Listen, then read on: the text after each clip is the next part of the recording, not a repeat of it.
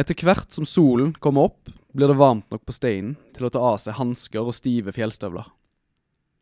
Magnus og jeg forlot teltet klokka tre om morgenen, og er nå på ettermiddagen i den øverste delen av Nordryggen på Cerro Standard i argentinsk Patagonia.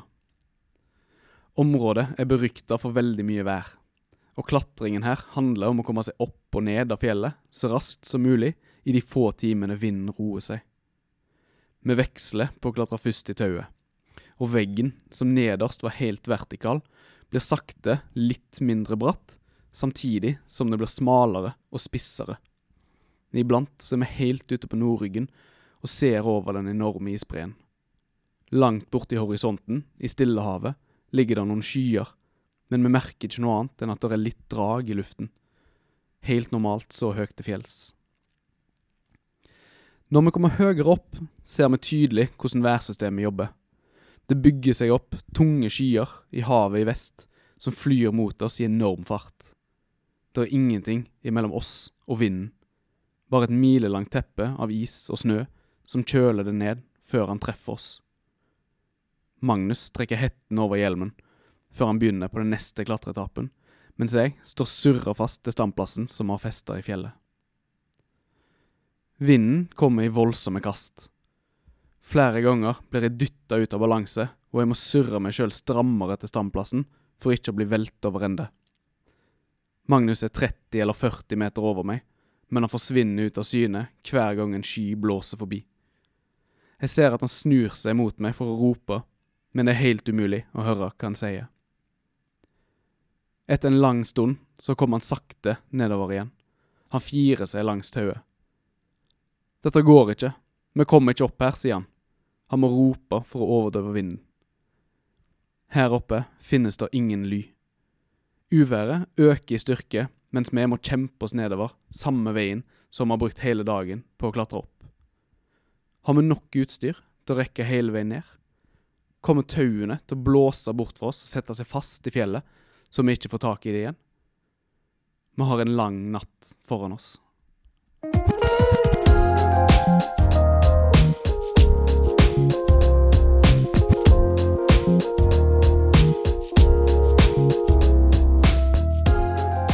Välkomna till Værpodden som presenteras av Meteorologisk institutt. En podd där meteorologer finner svar på de allra viktigaste, men också de allra märkligaste frågorna inom vär och klima. Jag heter Rebecka Rogentin och är statsmeteorolog vid Meteorologiskt institutt. I dagens avsnitt har vi med en av Norges bästa allroundklättrare. Han var bland annat den första norrmannen som friklättrade den berömda väggen El Capitan i Yosemite i Kalifornien. Klättraren jag snackar om, han heter Thomas Meling. Så lyssna på ett spännande avsnitt med klätterhistorier, massa, massa vär och få tips på hur du bäst checkar väret innan du ger dig ut på tur.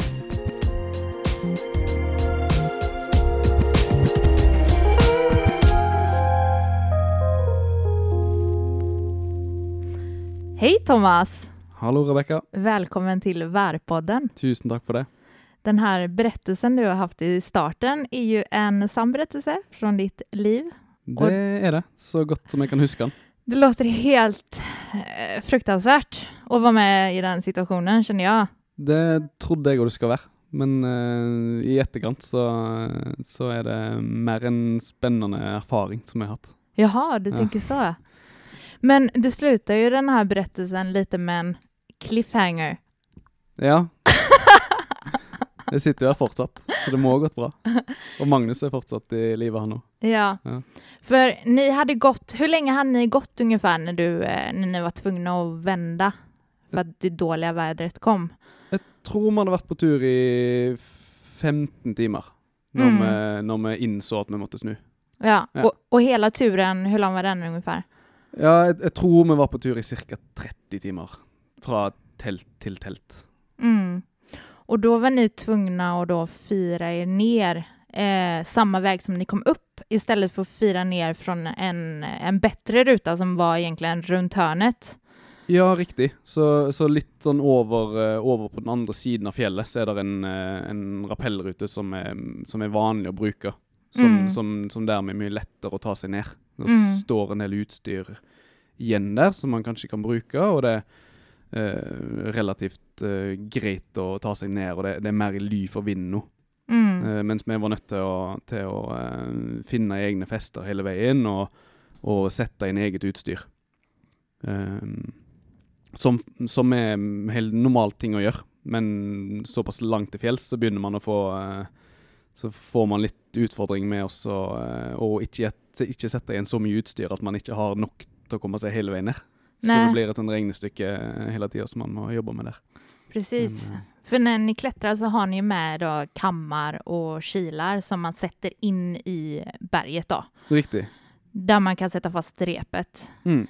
Eh, Och då har ni bara ett visst antal, så då när ni ska rappellera ner så vill man ju helst ha eh, utstyr eh, där nere också, så att det inte blir lika farligt att rappellera ner på dem. Eh. Det stemmer. Man er å ha, man er nødt til å ha utstyr som man klarer å, eh, klarer å sette gode nok sikringer hele veien, og så er man nødt til å sette igjen noe utstyr for å ha noe som tauet kan henge i når man rappellerer. Ja.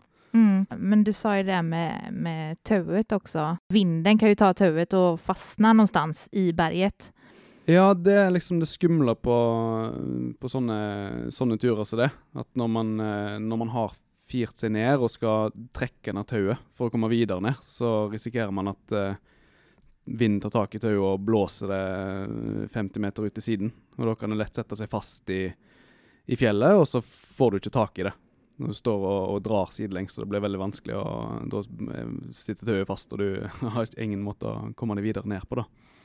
Så det var det vi var kanskje mest redd for i den situasjonen. Ja, for da hadde hun jo fastnet på, på berget der. Ja, da hadde vi stått der og eh, Ja, det hadde ikke vært noe vits å rope om hjelp heller. Nei. Eh, Liksom. Nei, men tenkte du noen gang at det, man kanskje ikke At du kanskje ikke skulle overleve? Tenkte du det?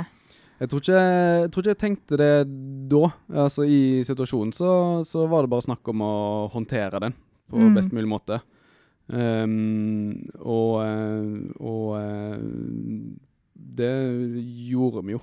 Mm. Så, så det var på en måte ikke Og, og heller ikke i etterkant så har det ikke føltes som eh, Som noe sånn utenfor grensene, egentlig. Men, men selvfølgelig som, som en litt sånn voldsom opplevelse som man ikke ønsker å ha hver gang man er på tur. Nei.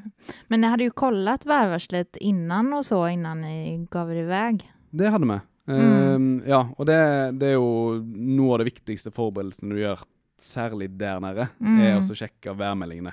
Mm. For du legger liksom ikke ut på tur uten at det er meldt godt vær i et døgn eller mer, da. Mm. Eh, og denne gangen så var det meldt fint vær fram til neste ettermiddag, mener jeg. Mm. feil. Og så har antageligvis det uværet som var meldt, eller det dårlige, eller den eh, kraftige vinden som var meldt, den kom eh, Ja, kom kanskje tolv timer før den var meldt, eller et eller annet sånt. Mm. Og så burde vi kanskje liksom ha sett at det kom da litt før. Mm. Men vi var liksom eh, i godt driv og, og eh, trodde vi skulle på en måte rekke opp og, og, og ned igjen. da. Mm. Så det tok litt tid før vi innså at uh, det ikke kom til å skje. Mm. Nei, men for ehm, jag tänkte jag kunde berätta lite om väret. Jag kan inte så mycket lokal eh, kunskap om väret just på det fjället som eh, du gick upp på då, men, men om man tänker vi för här uppe hos oss så är vi ju i västavindsbältet. Har du hört om det? Det har jeg hørt om. För det är ju egentligen det är ett bälte där lågtrycken och högtrycken går runt eh, eh, jorden. Och, och de, det heter västavindsbälte för att ofta vinden kommer från väst. Så alla de här lågtrycken kommer ofta från väst. Mm. Men exakt samma bälte finns ju på södra halvklotet Stemmer. och går också eh, i östlig riktning och kommer från väst. Men eh, på södra halvklotet, eller om man tänker på norra halvklotet, så passerar ju lågtrycken passerar ju USA, det passerar oss, det passerar Ryssland. Så det blir lite mer friktioner på, på vinden, så lågtrycken blir ju inte lika kraftiga. Men sen när man är på södra halvklotet så är det ju mer eh, vann eller mer hav runt eh, jordklotet. Det är mycket mer öppet och lite hindringar för vinden. Ja, Ja. så lågtrycken eh, blir ju väldigt kraftiga och sen när Andesfjällarna då som du var i kommer der, så blir det jo verste blokkeringen. Akkurat. Og det er det som sker, eh, det er det som skjer der nede, og som er veldig tydelig. Mm. For du har eh, Stillehavet, og så når du kommer inn på land så er det en kjempestor flat eh, sånn eh, isbre, Mm. som bare er et stort hvitt platå. Og Mm. så i enden av det, altså i østenden av det, så stikker det opp Ja. eh, masse spisse, bratte fjell som Ja. er kjempekule å klatre i. ja. Men det er det første vinden treffer, når det først har blåst over hele Stillehavet, og så over hele isbreen, Og som er bam! den nest største isbreen i verden, tror jeg omtrent. Ja. Og så bare smeller det inn i, i fjellene der, da. ja. Så da, da ønsker man helst ikke å være så høyt til fjells, da. Nei. Men eh, vet du forresten at eh, lågtrykk en liten sånn fun fact, det er jo at lågtrycken går jo åt andre hållet i, på södra halvklotet. Visste du det? Jeg tror jeg har blitt fortalt det, Ja. men, uh, men jeg syns det er vanskelig med sånne uh, ting som går med og mot solen og sånt. Det er vanskelig Ja. å forstå akkurat hva det innebærer i virkeligheten. Ja, nej men jeg, egentlig så innebærer det ikke så mye, men det, jag, mitt tidigare jobb innan här på Meteorologiskt institut då, så, så varslade jag värd för eh, södra halvklotet. Jaha. Ja, och det var lite sånn, ja det var ikke helt lett når lågtrycken gikk åt andre hållet. Så da fikk man liksom holde tunga rett i munnen, liksom. Ja, det kan jeg tenke meg. Det hadde jeg helt slitt med, tror jeg. ja. Ja, du får ta en klunk kaffe innan vi börjar snakke, om du vil. Nå er jeg klar. ja. Men når du skal gi deg ut på tur da, Mm. hva tenker du er grensen på hvor høy vindhastigheten skal være? Det kommer jo veldig an på hva type tur man skal på. Mm. Så, så eh, det som er alltid er viktig når man skal på tur, er å velge tur etter evne og etter forhold. Mm.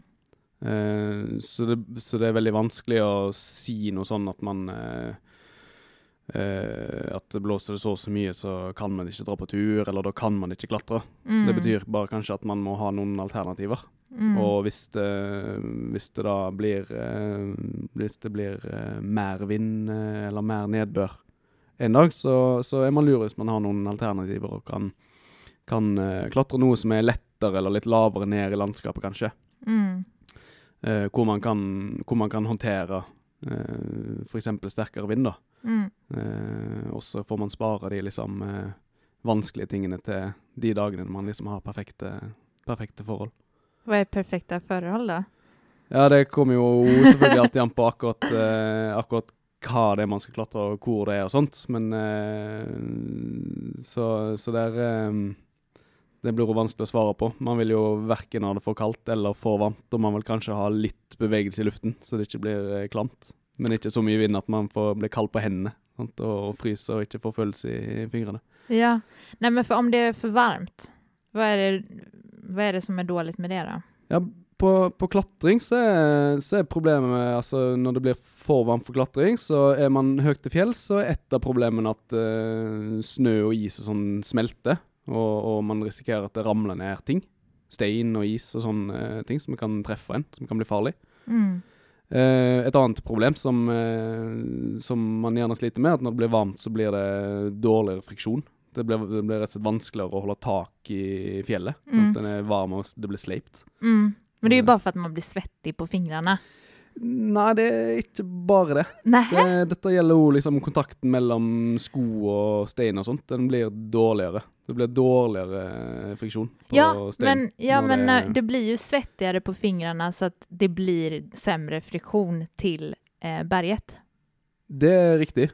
Mm, Men Men uh, Ja, det er riktig, det. For Men det berget ikke- jo det samme? Ja, men, ja, men altså temperaturen med, Altså kontakten mellom stein og hud og stein og gummi på skoene Mm. Kontakten mellom stein og gummi blir dårligere Mm. når eh, temperaturen blir høy. Ja, men det er vel for at gummit blir dårligere når det blir høyere temperatur. Det er fullt mulig. Ja. Så, ja, jeg, skal, jeg skal ikke være den som påstår at steinen blir dårligere. Steinen er den samme. Ja. Stenen er alltid bra. ja, det er sant. Det er helt sant. Den Men- er alltid god. Men om vi går tilbake til vind da. Mm. Eh, frisk bris. Hva Ja. tenker du da? Frisk bris, så har, jeg, så har jeg klart å lære meg at frisk bris er mer vind enn eh, hva jeg pleide å tro at det var. Ja, for hva tenkte du at det var da? Nei, sant, jeg er vant med å tenke liksom at uh, storm, da blåser det veldig, veldig mye. Ja. Uh, kuling, uh, som jeg ikke helt skjønt hva egentlig betydde, en sånn fremmedord. Mens bris høres ut som en sånn snill, rolig vind. Men så har jeg jo skjønt da etter, etter mange år at når det blåser frisk bris i fjellet, Mm. da er det friskt. Og Ja. så har jeg lært meg at friskt det er heller ikke så snilt som det høres ut som. Da Mm. fryser man litt mer enn man skulle tro. Nei, kanskje skulle hete sjuk vind. Ja, kanskje det. det hadde kanskje vært bedre. Men frisk bris er jo cirka Blåser det helt sjukt. Det, det Ja. forstår alle. ja. Men eh, frisk bris, det är ju en middelvind, så det är en genomsnittlig vindhastighet över 10 minuter. Ok. Så, eh, och det är cirka 10 meter per sekund. Då. Men om man vill veta de andra, Steve Kuling och alla de här, så finns det tabeller som man kan eh, hitta på nätet. Då. Mm. Men om vi tänker, eh, det finns ju lite andra grejer som är dåligt för klättring när man är ute. Det är ju bland annat eh, tåke. Ja, da blir det klamt. Jaha, du tänkte så. Jag tänkte mer att man inte ser. Ja, det, hvis du først har funnet fram til veggen du skal klatre i, så er kanskje ikke det det største problemet. Nei, det er sant. Da er man jo på... Da skal, da skal man ikke se lenger enn en eh, 10-15-20 meter uh, om gangen. Ja, det har du rett i, ja. Men hvis det Mm. er tåke når du er på vei inn mot fjellet, så kan det bli vanskelig å finne fjellet. ja. det er heller ikke så bra. Nei, det blir ingen klatring Nei. den dagen. Så i tåke så er ofte større problem at altså, luftfukten er så høy at det blir dårlig friksjon mellom hud Ja. og stein. Ja, jag har aldri klatret i tåke, så Nei. jeg vet ikke.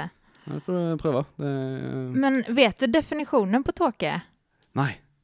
Fortell. Det er når sikten er under en kilometer. Å ah, ja. Da er det jo nesten tåke nå. Nei! Nei. Nei, jeg kan jeg se helt Man til ser ju- Sandviken, så det, det må være lenger enn en ja. nå er det veldig bra sikt. Det er det. Ja, det var det. Men vi har ju något mer som är dåligt för klättring och det är ju torden. Ja, det kan være skummelt, da. Mm. Høyt opp eh, til fjells og spisse fjell som eh, fungerer som lynavledere. Och när du har er så mye og mycket, och när du har allt utstyr på dig. Ja, bare sånn mye, mye som leder strøm. Det er, jo, det, er jo et, eh, altså det er jo et problem i Alpene, og, og sånt. I Norge så er det jo sjeldent at det er en utfordring. Mens i, eh, spesielt i Alpene og sånt, så er det sånn på sommeren. Så, Mm. så er det, kan man ofte få problemer med, med torden på ettermiddagene og sånt når det er varmt på sommeren. Men det kan hända här Ja då. också. Absolutt. Eh, absolut på vintern och på eftermiddagarna då ofta på sommaren när det Mm. har varit väldigt varmt och fuktigt.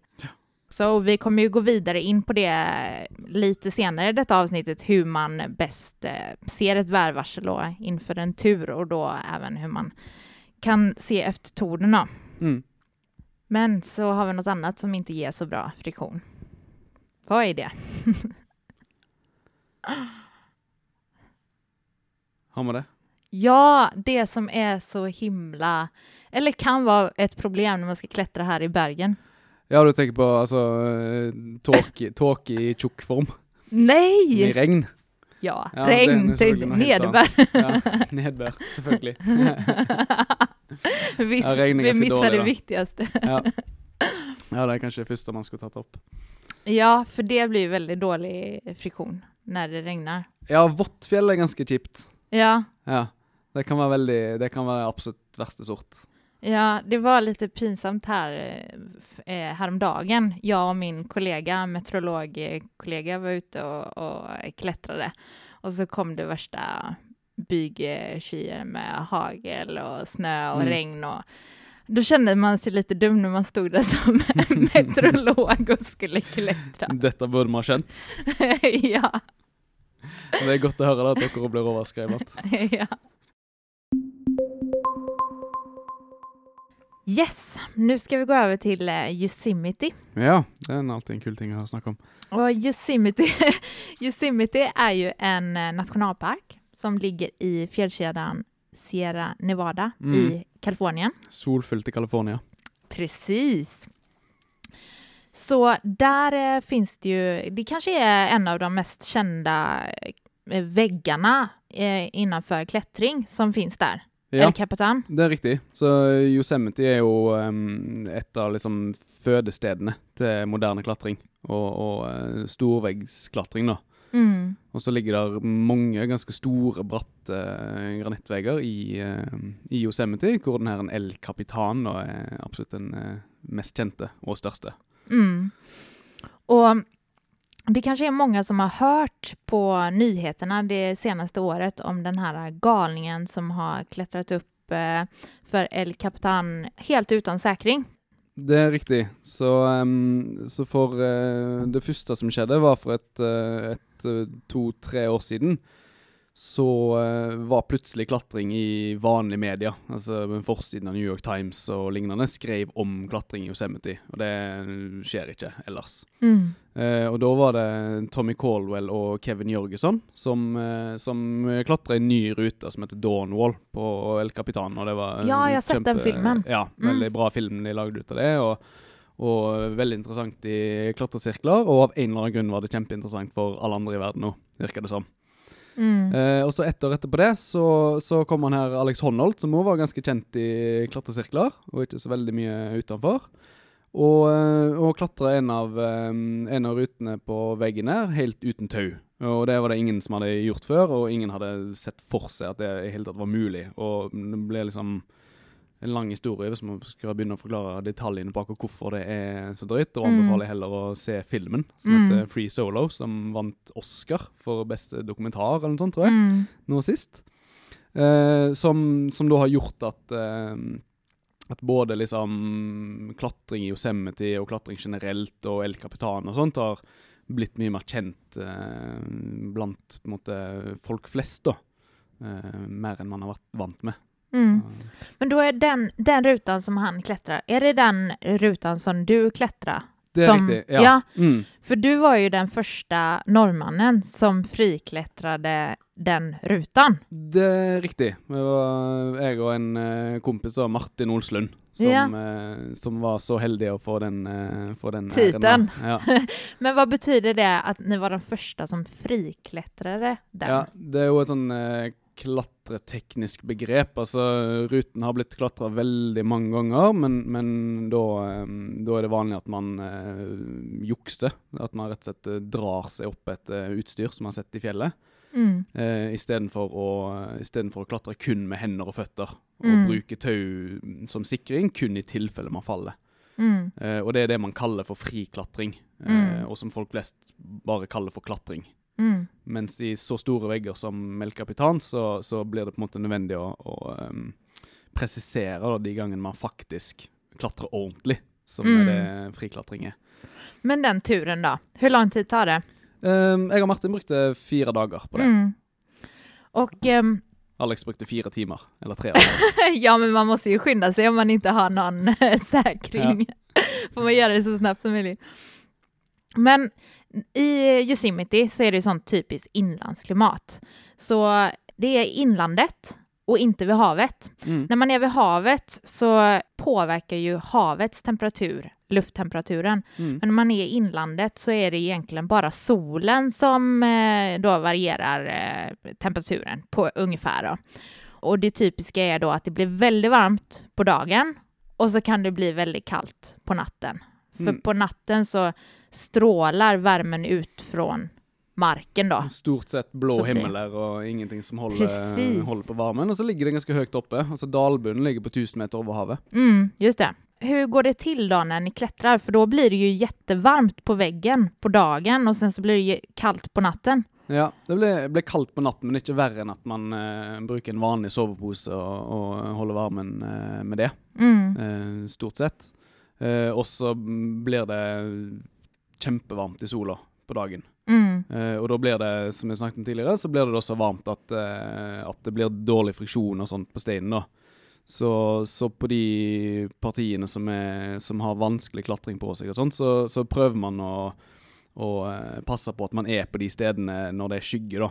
Mm. Uh, så store deler av, um, av Freerider, som er den ruten på El Cap som, som jeg klatrer, ligger, ligger vestvendt, da, så den får eh, skygge på, på formiddagen og sånt, og så er sol på ettermiddagen.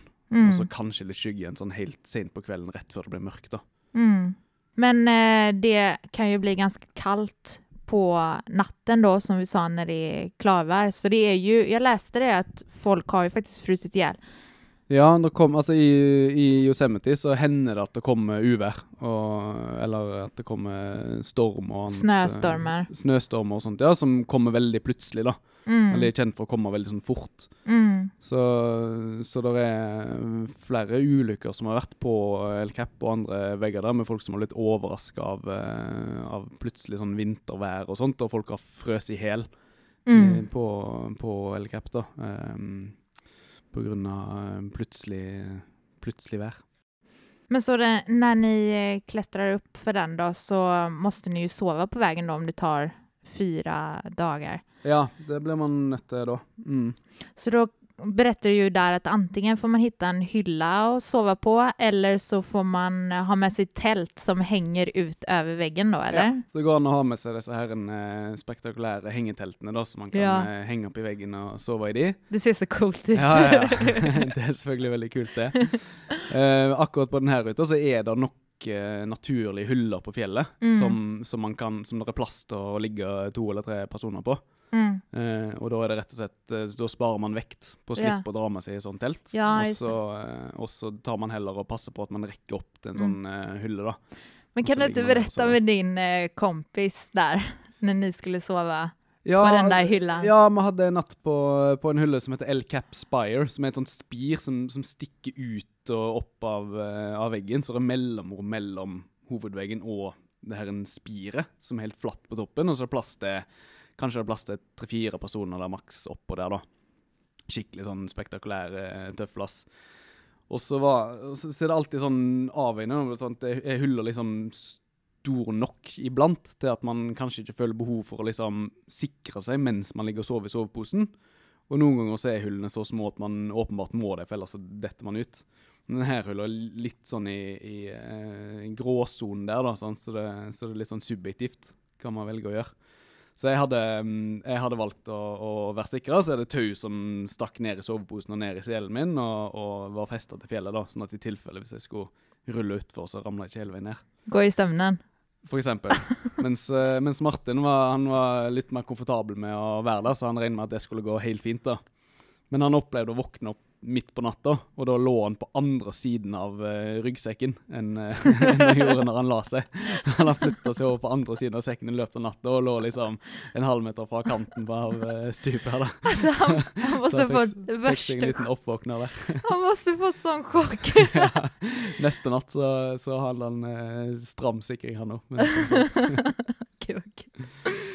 Men när ni tar opp, upp, så, så eftersom det tar fyra dager, så måste ni ju ha eh, massa mat och alla klett, alt klätterutstyr och Ja, må ha med alt som du trenger da for fire dager, og, og vann spesielt. Sant? For Mm. det blir jo varmt her på, på dagen, og så må du ha vann for fire dager da, for to personer.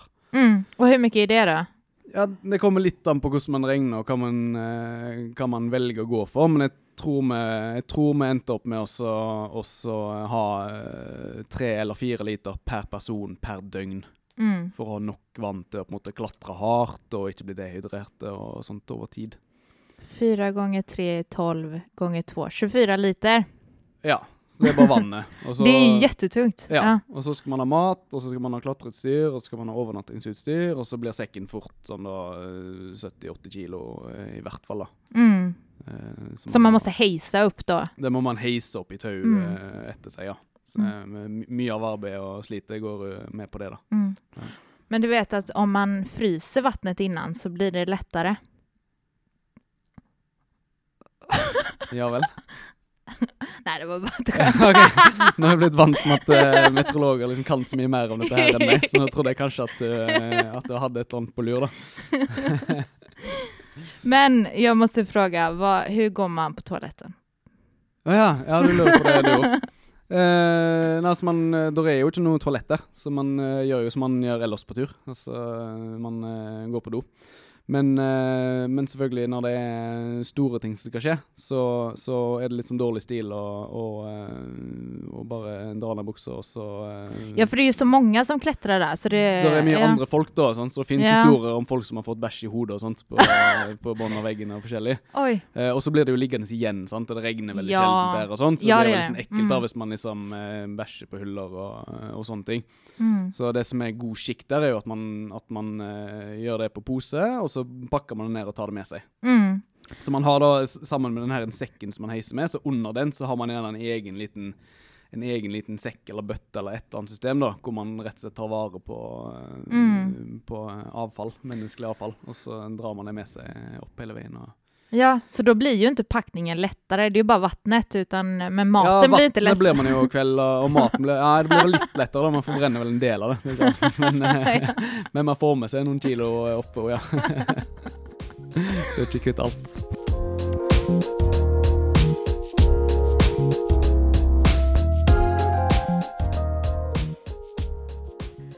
Jeg tenker så här. När man ska kanske cykla till jobbet så bryr man sig bara om det regnar eller inte eller kanske är lite vind eller så. Men om man ska ut på en klättringstur, då vill man ju verkligen veta vad det ska bli för värld. Ja, for nå har jeg med, nu har jag med satt sammen eh, egentlig litt av liste med seks forskjellige eh, tips eller måter å sjekke, sjekke værmelding for før man skal ut på en eh, fjelltur. Om det er klatretur eller eh, skitur. Eh, så du kan jo uh, Du kan jo forklare litt om de. jeg kan begynne med nummer ett som jeg alltid sjekker av innan jeg gir meg ut på tur. Det er om jeg, jeg kollar ifall det er noe farevarsel som er ute. Og Meteorologisk institut, vi sender ut farevarsel for ulike parametere. Og da bl.a. eh, vindkast, regn, styrtregn, snø og ja, vanskelige körfall. Och eh, de finns i olika nivåer då, gult, orange och rött. Er det, er det de små trekantene som kommer opp eh, med noen sånne symboler på? Precis. Det er dem man skal sjekke på. på Ja, godt. Ja, det har ikke jeg Mm. vært så flink til eh, tidligere, da. Nei, og jeg tenker så her, blant annet da om eh, vindkast er på gult nivå, da skulle jo ikke jeg gå ut og klatre, om man sier så. Nei, men du skulle sykle til jobb? Ja. Det skulle jeg. Bra förklart. Men vi går på nummer två då. Vad Mm. hade du gjort? Vad ger du tips på nummer två? Ja, for det var det vi snakket om. At uh, altså, hvis man skal på en fjelltur, så er det jo blitt veldig vanlig, vanlig med Y-rappen og sånt, at man bare søker opp uh, det fjellet man skal på. Uh, skal på Store Skagersølvstind, så søker man på der, og så får man værmeldinger for akkurat det fjellet. Og så tenker man at det er bra. Uh, det man ofte går glipp av da, er jo mer sånn de generelle tendensene i området. Så det som, eh, det som er en god idé, det er også også sjekke værmelding på, på flere forskjellige punkt i området. Og da um, både på vest og på øst for fjellet, og så får man etter hvert en sånn idé om hvordan været er, og om det da og, og, og, da- vil jeg fortelle litt om eh, litt mer om hvordan det eh, sannsynligvis blir Ja, på den turen du kanskje skal på. det är väldigt, väldigt bra. Men just de här punkterna då, de kanske inte är alltid så bra på tåke och regnbyger och torden. Sådana små, eh, små värsystem eller sånt vær vär som sker på en liten, litet, litet område. Som en regnbyge till exempel. Ja, for det er kanskje vanskelig for dere å melde um, regnbyger akkurat hvor den treffer og ikke, siden det er så små eh, små ting, kanskje? Helt korrekt. Varför? Du, du borde jo bli eh, meteorolog. Ja, jeg har ikke så lyst til å gå på skole mer. Nei, og, og disse da, och dessa då, då kommer vi over til punkt nummer tre. Eh, da kan man kolla på tekstvarsel som meteorologen skriver og de finnes ute på yr.no. Ja, de fins på nettsiden, og det er for de som har merka det. Det har jeg begynt å skjønne etter hvert. For før så kunne man lese tekstvarselet på Yr-appen, men det går ikke an lenger. Så nå må man inn på nettleseren og finne fullversjon på nettleser, og så må man lete seg fram til tekstvarselet. Så det er blitt litt mer jobb, men det er fortsatt verdt det. Ja, det er veldig bra. Meteorologen eh, skriver jo det og oppdaterer det hver dag då. Och, der där kan man da få med da, om det er uttrykt for tåke eller om det er uttrykt for regnbyger eller uttrykt for torden. Sånne som er ganske svårare å få i punktvarslet. Ja, og så får man det Og så får man da òg liksom en bedre idé om eh, hvordan været generelt blir den dagen. Um, Istedenfor å se seg litt blind på akkurat den fjelltoppen du har sett på. Mm. Så selv om de kanskje melder sol akkurat på den fjelltoppen, hvis det står i tekstvarselet at det kommer frisk bris fra nordvest og bygevær, Mm. så kan du være ganske sikker på at det allikevel kommer til å komme byger på den fjelltoppen du skal på, selv om eh, det står noen sol, eh, solgløtt på symbolet. Mm. Det er fort gjort å overse. Det skjer iallfall til stadighet med meg. Det var veldig bra forklaret. verkligen. Och eh, om vi går över på punkt nummer fyra, så om man är lite sån extra intresserad av meteorologi så kan man ju kolla på kartor då, som finns också på YS hemsida. Och då kan man se lite mer om hur värsystemen eh, rör sig. Om det är en front som är på väg eller så. Det blir vel typisk eh, når du er litt eh, nærmere til å faktisk reise ut hjemmefra, kanskje. At du kan eh, se hvordan, hvordan været er på vei inn. Ja, men da går vi over til punkt Ja, nummer fem. Ja, da går vi over til punkt nummer fem. At man kan se på observationer Samme dag som man skal ut på turen så kan man se på observationer Og da er det jo bl.a. annat radar. Ja, det er et fint lite eh, verktøy som har fått eh, tilgang til etter hvert. da. Ja, Hvordan anvender du det? Ja, det hender at jeg er inne og ser på, på nedbørsradarene, da, og, og typisk eh, kort tid før jeg skal ut på tur. Hvis jeg står opp om morgenen og har tenkt å dra et sted, og så har jeg lyst til å finne ut om værvarselet faktisk slår til. Da kan jeg, finne ut, da kan jeg komme på, liksom, eh, gå inn på eh, nedbørsradaren og se om jeg kan se de samme tendensene som varselet viser. Kan jeg se om, om den fronten som er meldt, faktisk er på vei inn, eller om det er typisk bygeværet liksom oppfører seg sånn som det er meldt, og så får man kanskje da tilbakemelding på at eh, jo, det været er fortsatt på vei inn. Mm. Kanskje, er det, kanskje er det solen når du ser et vindu med, og du tenker at eh, dette her blir bra, men så, men så, eh, så er det været som er meldt eh, allikevel på vei, da. Og det Mm. kan man ofte se på den eh, radaren. Mm. Och sen kan man se på satellit och det är inte helt lika lätt, men eh, satellit då ser man ju på skydäcket då, eh, över Norge då. Men då om det är höga skyer så ser man ju bara de höga skyarna, så då ser man inte de Ja, lava akkurat. skyarna, Mm. för de är ju under. Men däremot så kan man ju då använda webbkamera Ja, och det, brukar ju du använda. Ja då, det er jo et veldig sånn fint eh, verktøy, da. Eh, som, som også er sånn typisk man kan se på Uh, på morgenen, da, når man skal finne ut om uh, hvilken dal man skal kjøre inn i, og om man skal kjøre nordover eller sørover, man, uh, hvis man ikke har bestemt seg helt for akkurat hva tur man skal på. Så kan man da se hvordan, hvordan det faktisk ser ut i det området. Og det Mm. er blitt ganske mye webkameraer som står rundt omkring. Altså, noen av de kommer man til på nettsiden til Yr, og på Vegvesenet sine nettsider så er det mye webkameraer rundt på veiene f.eks., og masse skianlegg har, eh, Mm. har webkameraer og, og lignende ting, da. Mm. eh, som et veldig nyttig verktøy. Och sen eh, vill man ju absolut inte vara uppe på en topp om det blir tordenvär. Så då finns det ju flera sådana olika lightning maps som man kan se då också. Och då kan man ju se om det är eh, lynnedslag i området eller om det er på vei mot den da. Ja, akkurat. Siste punkten da. Punkt nummer seks. det. er deg som er gjort det.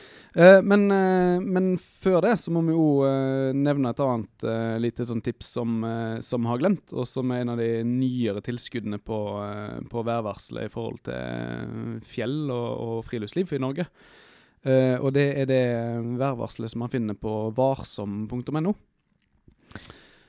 Ja, Og Vasam er jo et samarbeid mellom NVE, Meteorologisk institut og Statens vegvesen. Ja, og, som, eh, og hvor man finner skredvarsel, altså snøskredvarsel da, først og fremst. Um, der er det òg en liten um, funksjon hvor det er en meteorolog som, uh, som uh, har skrevet ned det de kaller for fjellvær. Eh, og det, det er et uh, tekstvarsel hvor, uh, som, som er mye mer nøyaktig på hvordan været blir i fjellet, uh, istedenfor uh, Istedenfor for de liksom, fylkesregionene, da, som de ofte melder tekstvarsel for på, på yr.no. Mm. Så det, det er jo kun tilgjengelig på vinteren når det er snø, men det er en av de bedre, bedre kildene til værvarsel i fjellet som vi har i Norge i dag, i hvert fall. Mm. Så det er mitt uh, heteste tips. uh, men det andre vi skulle, um, som jo gjerne skulle nevne, det er jo, um, det er jo dette her med måten man bruker værvarselet på. Um, og og um, det som jeg har uh, jobba mye med meg sjøl på å bli flinkere på, det er dette her med å velge tur. Ikke bare etter evne, men òg å velge tur etter forhold. Uh, så istedenfor å gire seg veldig opp på én spesifikk tur, eller ett spesifikt fjell, eller uh, eller én spesifikk uh, linje man vil kjøre ski, eller noe sånt. For det som skjer da, at da Eh, da drar man av gårde den helgen man har satt av, og så viser det seg at været er ikke så bra som det burde vært. Og man får ikke de forholdene man vil ha, og, og enten så blir det eh, for vanskelig å komme seg opp, eller så blir det i verste fall farlig. Eh, hvis man heller forsøker å se eh, på værvarselet og finne ut hvordan været jobber, og og, og, på den måten prøve å finne i, i, på hvilken side av en fjellkjede det f.eks. Eh, vil være best vær. Er det meldt mye vind fra vest, så er kanskje været bedre på østsidene, eh, og motsatt. Og bruke det som et verktøy på å finne en plass der det, der det funker bra å gå på tur. Eh, det er noe som jeg tror eh, mange kunne hatt nytte av. da. Mm. Och det, om det blir väldigt dålig vær också när man är i fjällen så är det ju inte så lätt att bli räddad. För jag jobbar ju som flygmeteorolog här på Meteorologiskt institut och då vet man ju lite vad helikoptrarna har för begränsningar. Mm. Så det är ju torden och sikt och vind och så, så sånt vär som man kan bli utsatt för när man hamnar i fjällen då. Och då kanske det inte så lätt att bli räddad av en eh, helikopter om man skulle Det vilja det. då. er det ikke. Um, det er veldig ofte at uh, redningshelikoptrene i Norge ikke kan fly. Um, av vær og forskjellige um, begrensninger som de har. Uh, så så vi, vi er fortsatt sånn uh, at uh, når vi er um, i fjellet, så er vi nødt til å ta vare på oss sjøl.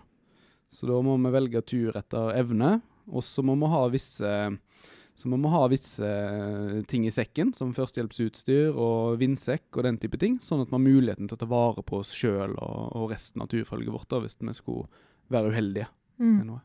Men hvor ofte skulle du si at du avlyser en tur på grund av vær?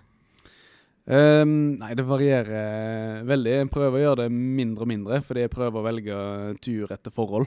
Ja, Men eh, det er noe likevel sånn at når man skal på klatretur, så, så blir helt sikkert eh, i hvert fall hver fjerde tur avlyst. mm, det er ganske ofte. Ja, det er det. Mm. Det må man bare leve med.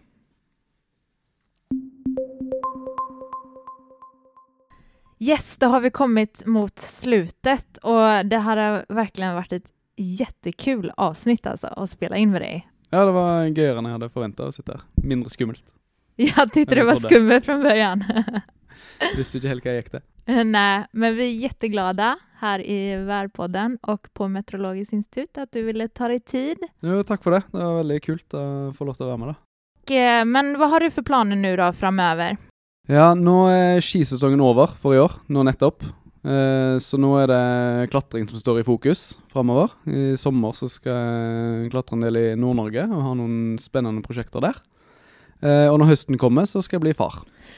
Det er spennende. Det er kanskje det mest spennende Ja, som skjer nå. Og grattis. Takk for det. Og om man vil komme i kontakt med deg Hvor gjør man da? Eh, da kan man finne meg på Facebook, Thomas Meling, og eh, man kan også finne meg på Instagram. T Meling heter jeg der. Det er helt supert. Da får du ha det bra da. Takk for det. Takk for at jeg fikk komme.